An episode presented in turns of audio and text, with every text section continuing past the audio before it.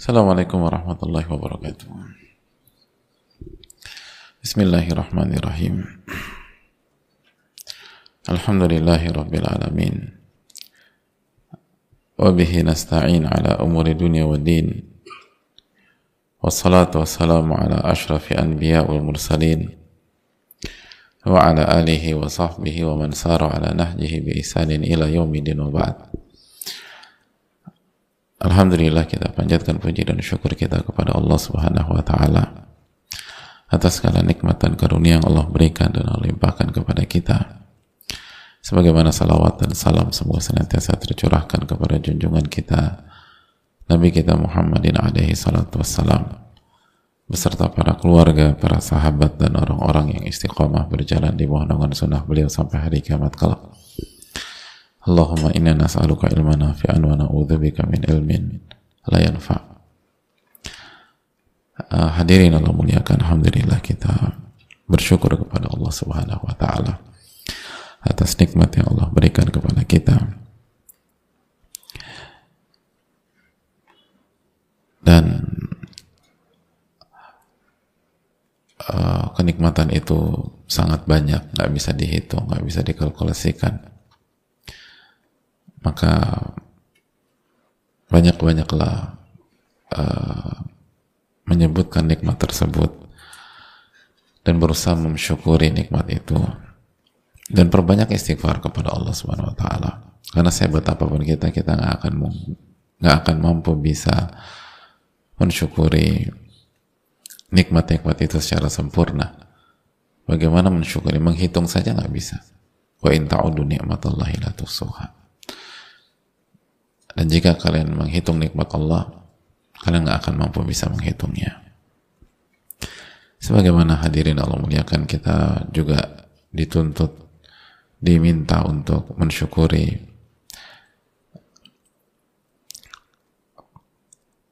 uh, pihak atau manusia yang berbuat baik kepada kita.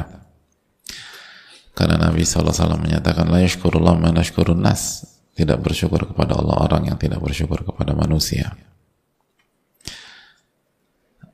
Dan uh, inilah pentingnya kita mendoakan para ulama kita mendoakan guru-guru kita dan membalas apa yang bisa kita lakukan. Karena Nabi kita SAW bersama sana ilaikum ma'rufan fakafi'uh. Barang siapa yang berbuat baik kepada anda maka balaslah. Maka balaslah Dan kalau Anda belum bisa balas, maka doakan. Maka doakan. Jadi, ini yang harus menjadi mentalitas kita dan pola hidup kita. Makanya para ulama mengatakan, kalau Anda berbuat baik kepada orang mulia, maka dia akan berusaha membalas kebaikan tersebut. Tapi kalau Anda berbuat baik kepada orang yang buruk, maka dia akan menunjak dia akan lupa. Maka mari kita evaluasi diri kita apakah kita termasuk orang mulia atau kita termasuk sebaliknya. Na'udzubillah thumma na'udzubillah. Sebagaimana salawat dan salam semoga senantiasa tercurahkan kepada Rasulullah alaihi salatu wassalam beserta para keluarga, para sahabat dan orang-orang yang istiqomah berjalan di bawah naungan sunnah beliau sampai hari kiamat kelak. Hadirin Allah muliakan, kembali bersama Al-Imam Yahya bin Sharaf bin Muri Abu Zakaria atau yang biasa dikenal dengan nama Al-Imam An-Nawawi rahimahullah. Ulama yang sangat luar biasa.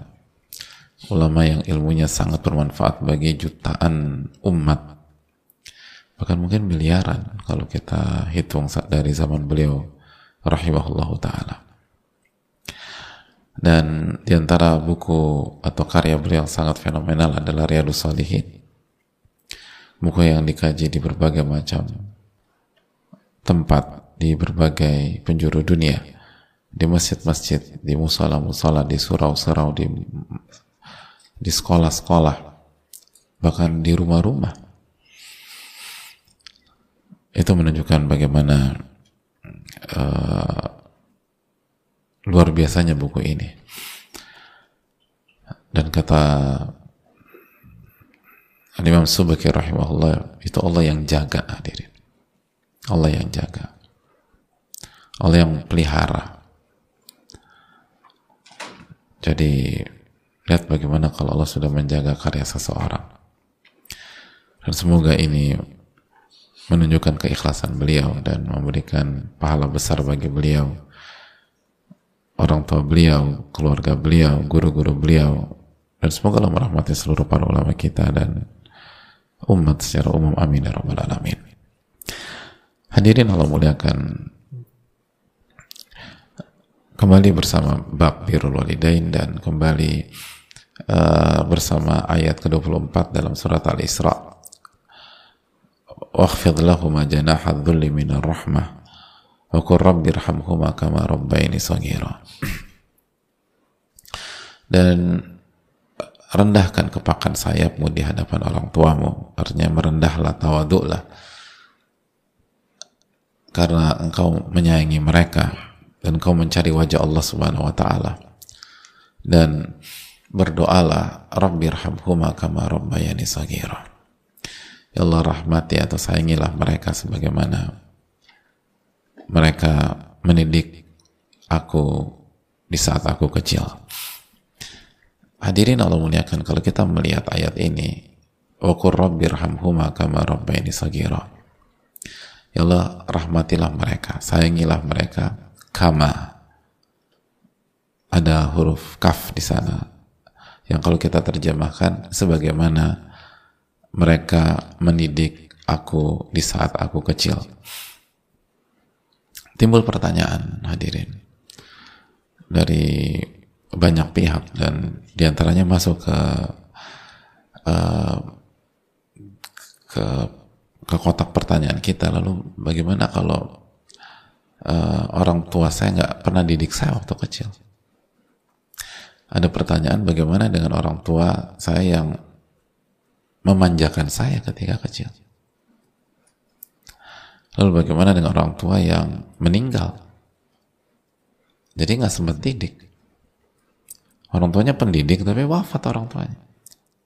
Rahimahullah. Jadi nggak didik beliau. Terus gimana dengan doa ini? Karena kan kama robbayani sogiro.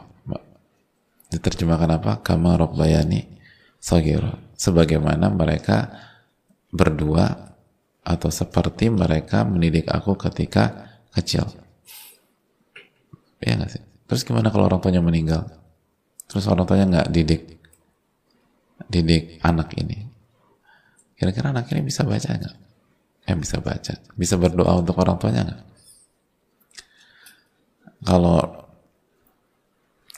uh, Rob uh, misalnya ayatnya ukur Robbirhamhuma titik udah bebas tapi ukur Robbirhamhuma kama Robbayani Sogiro sebagaimana seperti di saat mereka mendidik aku ketika aku kecil. Atau ada orang tua yang sakit. Ibunya sakit atau ayahnya sakit ketika dia kecil sehingga orang tuanya hanya bisa berbaring di tempat tidur, nggak bisa didik dia.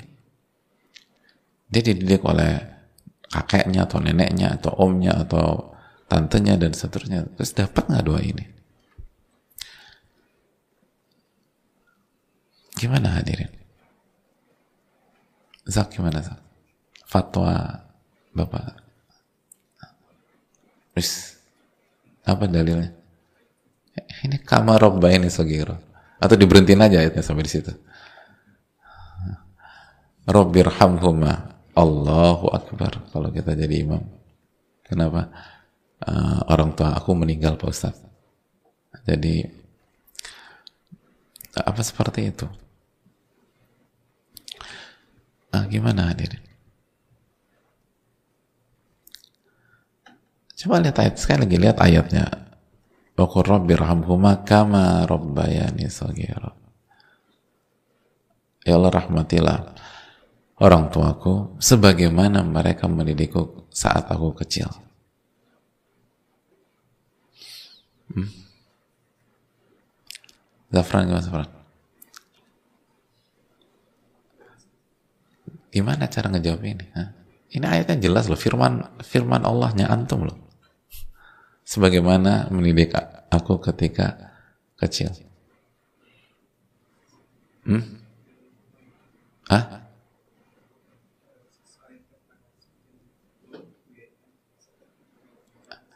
Nggak ada keterangan itu kan.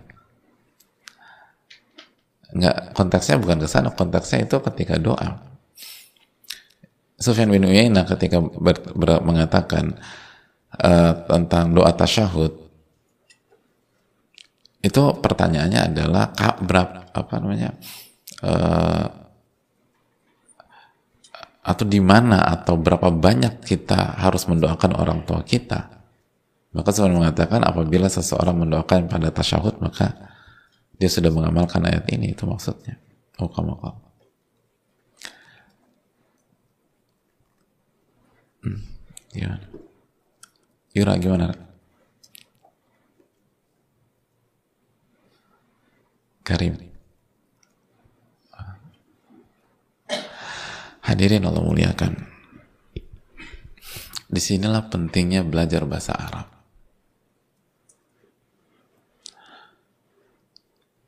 Dan terjemahan itu bermanfaat dan kita bersyukur kepada para penerjemah-penerjemah kita. Jazakumullah khairan. Tapi nggak cukup untuk bisa memahami sebuah ayat secara utuh.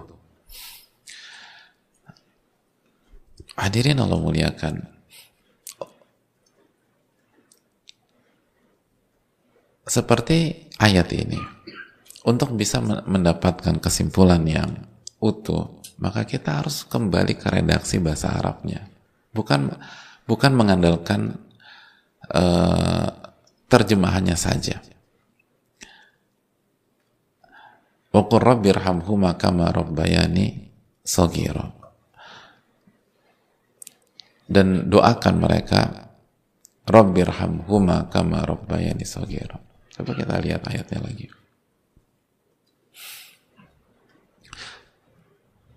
Yang membuat banyak kita mempertanyakan itu kan karena baca biasanya baca terjemah sebagaimana mereka mendidik aku saat aku kecil. Orang tuaku meninggal atau orang orang tuaku memanjakan aku atau orang tuaku sakit saat aku kecil. Mereka nggak didik aku.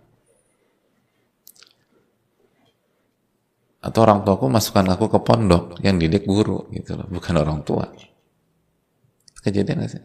Banyak.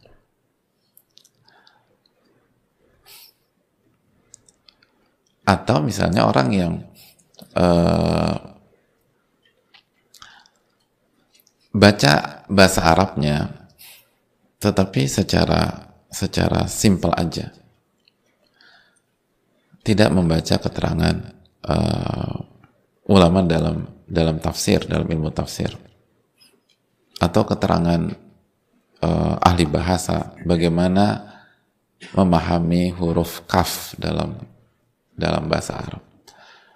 Hadirin Allah muliakan, perlu kita ketahui bahwa huruf kaf, kama, lihat bahasa Arabnya kama, itu memiliki lebih dari satu makna. Lebih dari satu makna. Makanya kalau kita membaca keterangan sebagian kitab tafsir, maka kita akan mendapatkan lebih dari satu keterangan tentang makna kama robbaini sogiro.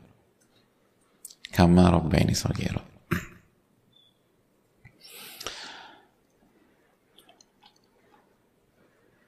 kama rabbayani sogiro.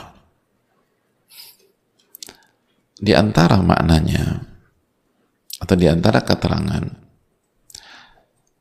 uh, kama rabbayani sogiro di dalam di dalam uh, ayat ini hadirin Allah muliakan.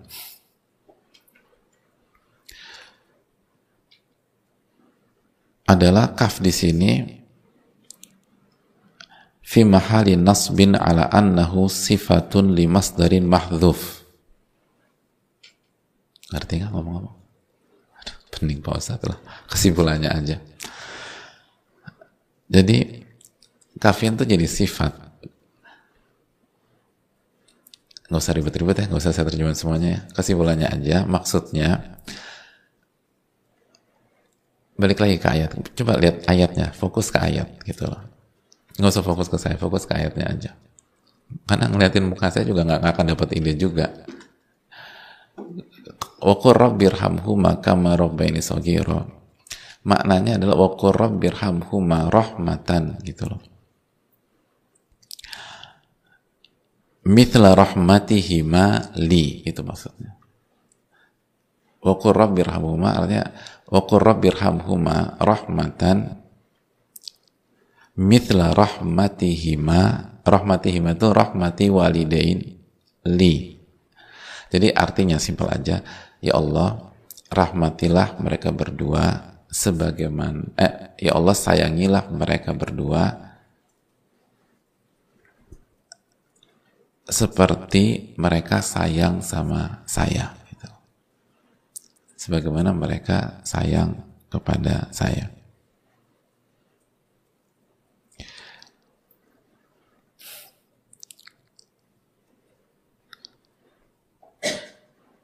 sayangilah mereka sebagaimana mereka sayang kepada saya.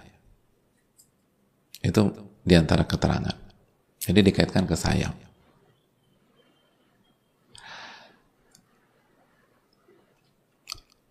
Di antara maknanya juga, atau di antara keterangan para ulama, di antara uh, keterangan para ulama, Eh, dan keterangan itu bisa dicek dalam uh, Fathul Qadir atau misalnya uh, keterangan para ulama-ulama yang yang lain. Di antara keterangan para ulama bahwa uh, kaf di sini itu artinya uh, iktiran gitu loh. Jadi badil kaf ma fil wujud faltaqa'u hadhihi kama waqa'at tilk gitu.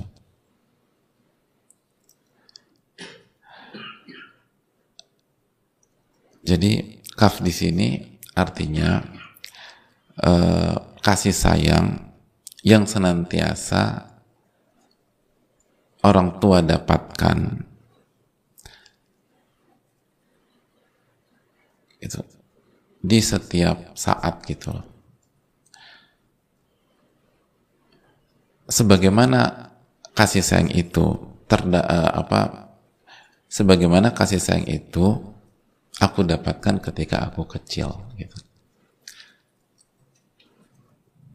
Jadi Allah berikanlah kasih sayang kepada kedua orang tuaku dan kasih sayang itu senantiasa menyertai orang tuaku. Itu maksudnya. Diktiron. Itu keterangan kedua. Di antara keterangan yang lain, keterangan ketiga, bahwa kaf di sini ditaklil. Ditaklil. Taklil itu alasan. Sehingga dari makna yang ketiga ini, ya Allah rahmatilah orang tuaku atau sayangilah orang tuaku karena mereka telah mendidikku pada saat aku kecil. Karena mereka telah mendidikku di saat aku kecil.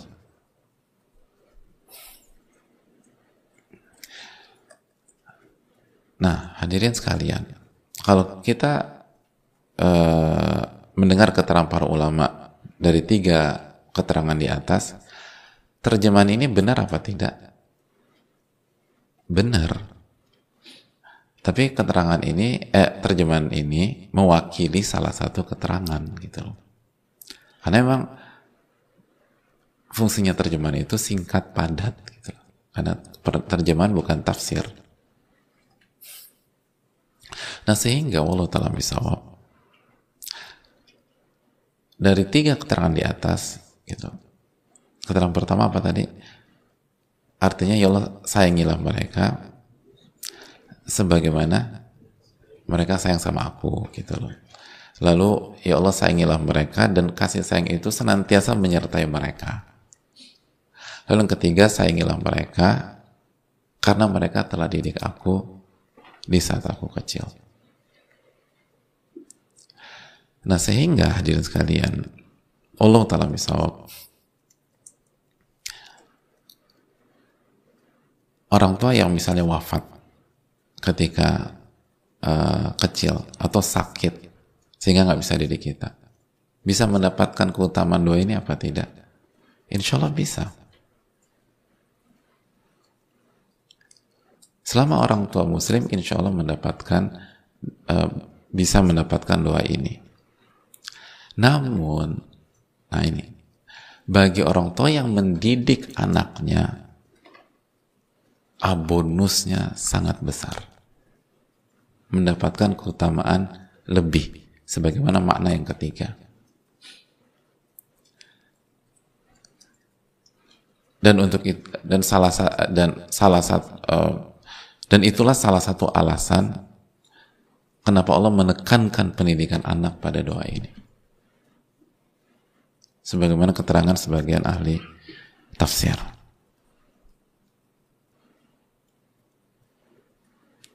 Jadi hadirin Allah muliakan.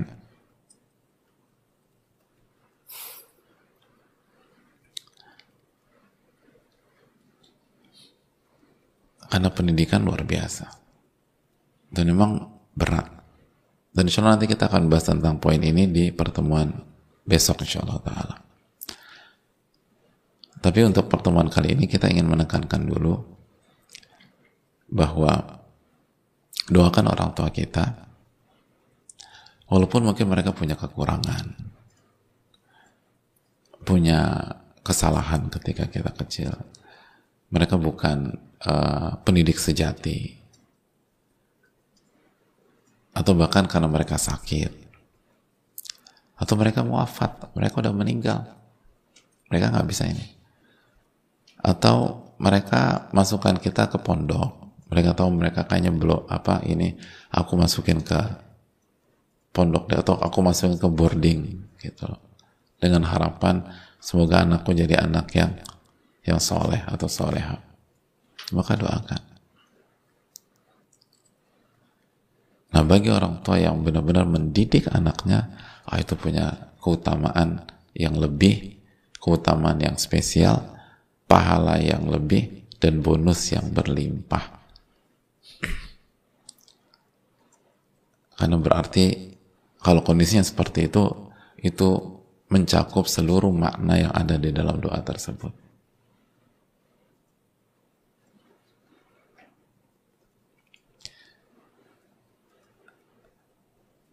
Itu poin. Jadi hadirin Allah muliakan, doakan orang tua kita. Doakan orang tua kita. Dan jangan sampai kita punya dendam sama mereka. Khususnya orang tua yang mungkin mencampakkan kita atau nggak jelas ke mana. Atau nggak bertanggung jawab. Atau mungkin ayahnya membiarkan ibunya berjuang sendiri. Baik ayahnya pergi atau lain sebagainya. Hanya nggak bertanggung jawab ya semua orang punya kesalahan tapi mereka orang tua kita dan mereka muslim dan betapa banyak orang tua kayak gitu di di masa tuanya mereka menyadari kesalahan mereka beristighfar kepada Allah mereka bertobat kepada Allah dan mereka menyesal. Tapi memang sudah terlanjur menimbulkan luka di dalam hati anak. Itu yang sering terjadi. Sudah terlanjur menimbulkan luka di hati anak. Baik luka karena nggak diperhatikan, atau luka karena dia melihat ibunya diperlakukan seperti itu. hadirin yang salah tetap salah dosa tetap dosa tapi sakit hati itu bukan solusi dari masalah kita dendam itu hanya akan membuat hati kita nggak tenang luka itu hanya membuat kita merasakan keperihan dalam hidup Karena ini tentang kita. Kalau kita nggak segera obati luka itu, kita yang kesakitan. Namanya juga luka. Kita yang kesakitan. Dan camkanlah orang yang melakukan dosa atau kesalahan atau enggak enggak menjalankan tugasnya.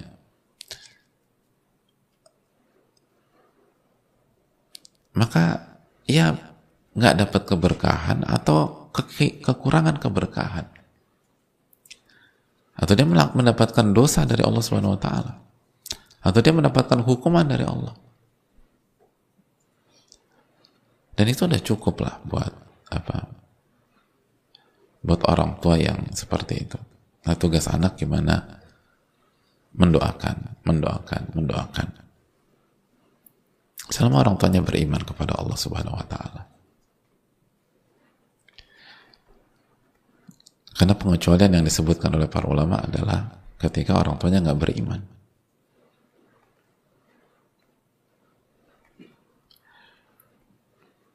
Itu pun anak masih bisa mendoakan hidayah kepada orang tuanya yang belum beriman pada saat orang tuanya hidup. Agar orang tuanya dapat hidayah. Jadi hadirin Allah muliakan.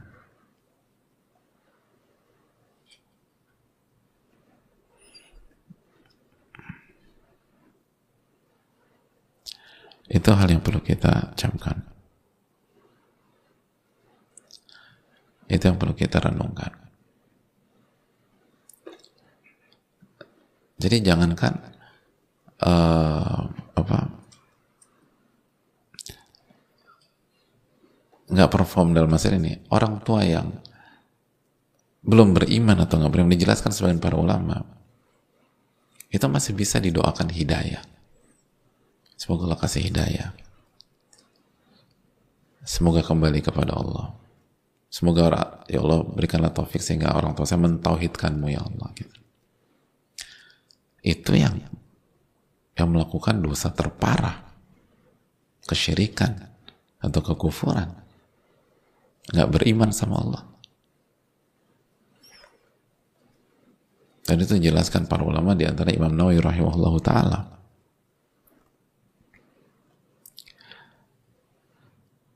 Dan juga dijelaskan dalam tafsir Al-Qurtubi salah satu keterangan ulama masalah ini. Lalu bagaimana dengan orang tua kita masih beriman? Lalu masih sholat? Ya tapi ya memang mereka punya PR di banyak hal. Sebagaimana kita punya PR di banyak hal dan bisa jadi PR kita jauh lebih banyak. Maka Hadirin doakan. Doakan, doakan, dan doakan. Dan harusnya ketika kita ngelihat orang tua kita nggak perform atau kurang melakukan tugasnya, kita harus lebih punya syafaqah. Harus lebih punya rasa kasih sayang kepada mereka. Gimana kalau mereka ditanya di hari kiamat kelak? Gimana kalau mereka ditanya dalam kubur?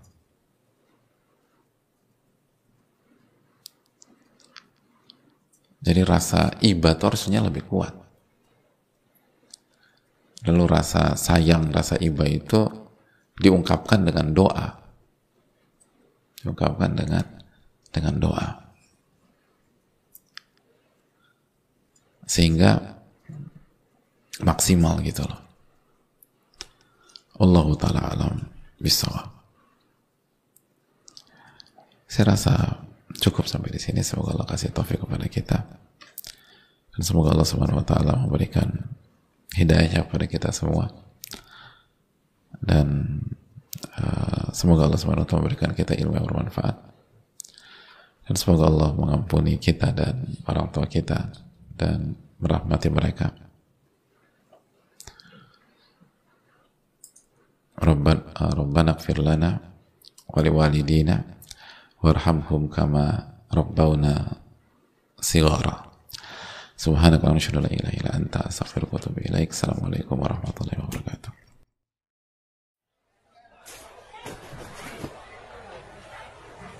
Berbagi paket energi Ramadan sekarang, insya Allah tuai pahalanya kemudian. Menyambut Ramadan 1444 Hijriah, Muhajir Project Peduli mengajak seluruh muslimin untuk mengambil bagian dalam program Paket Energi Ramadan. Insya Allah, paket energi Ramadan akan diantarkan kepada ahli ilmu, penuntut ilmu, dan fakir miskin di sejumlah kota kabupaten di Indonesia.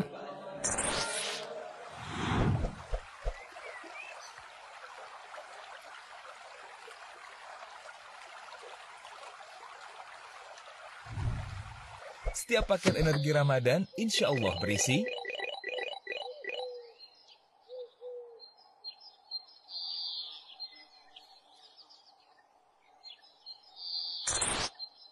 Bagaimana akad program ini?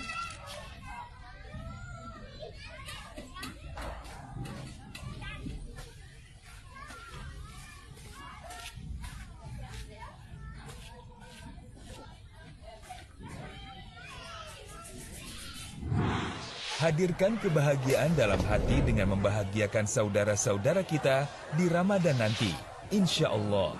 Salurkan sedekah terbaik kita melalui Bank Syariah Indonesia 1111 815 557 atas nama Yayasan Muhajir Peduli Indonesia. Sebaik-baik Ramadan. Muhajir Project Peduli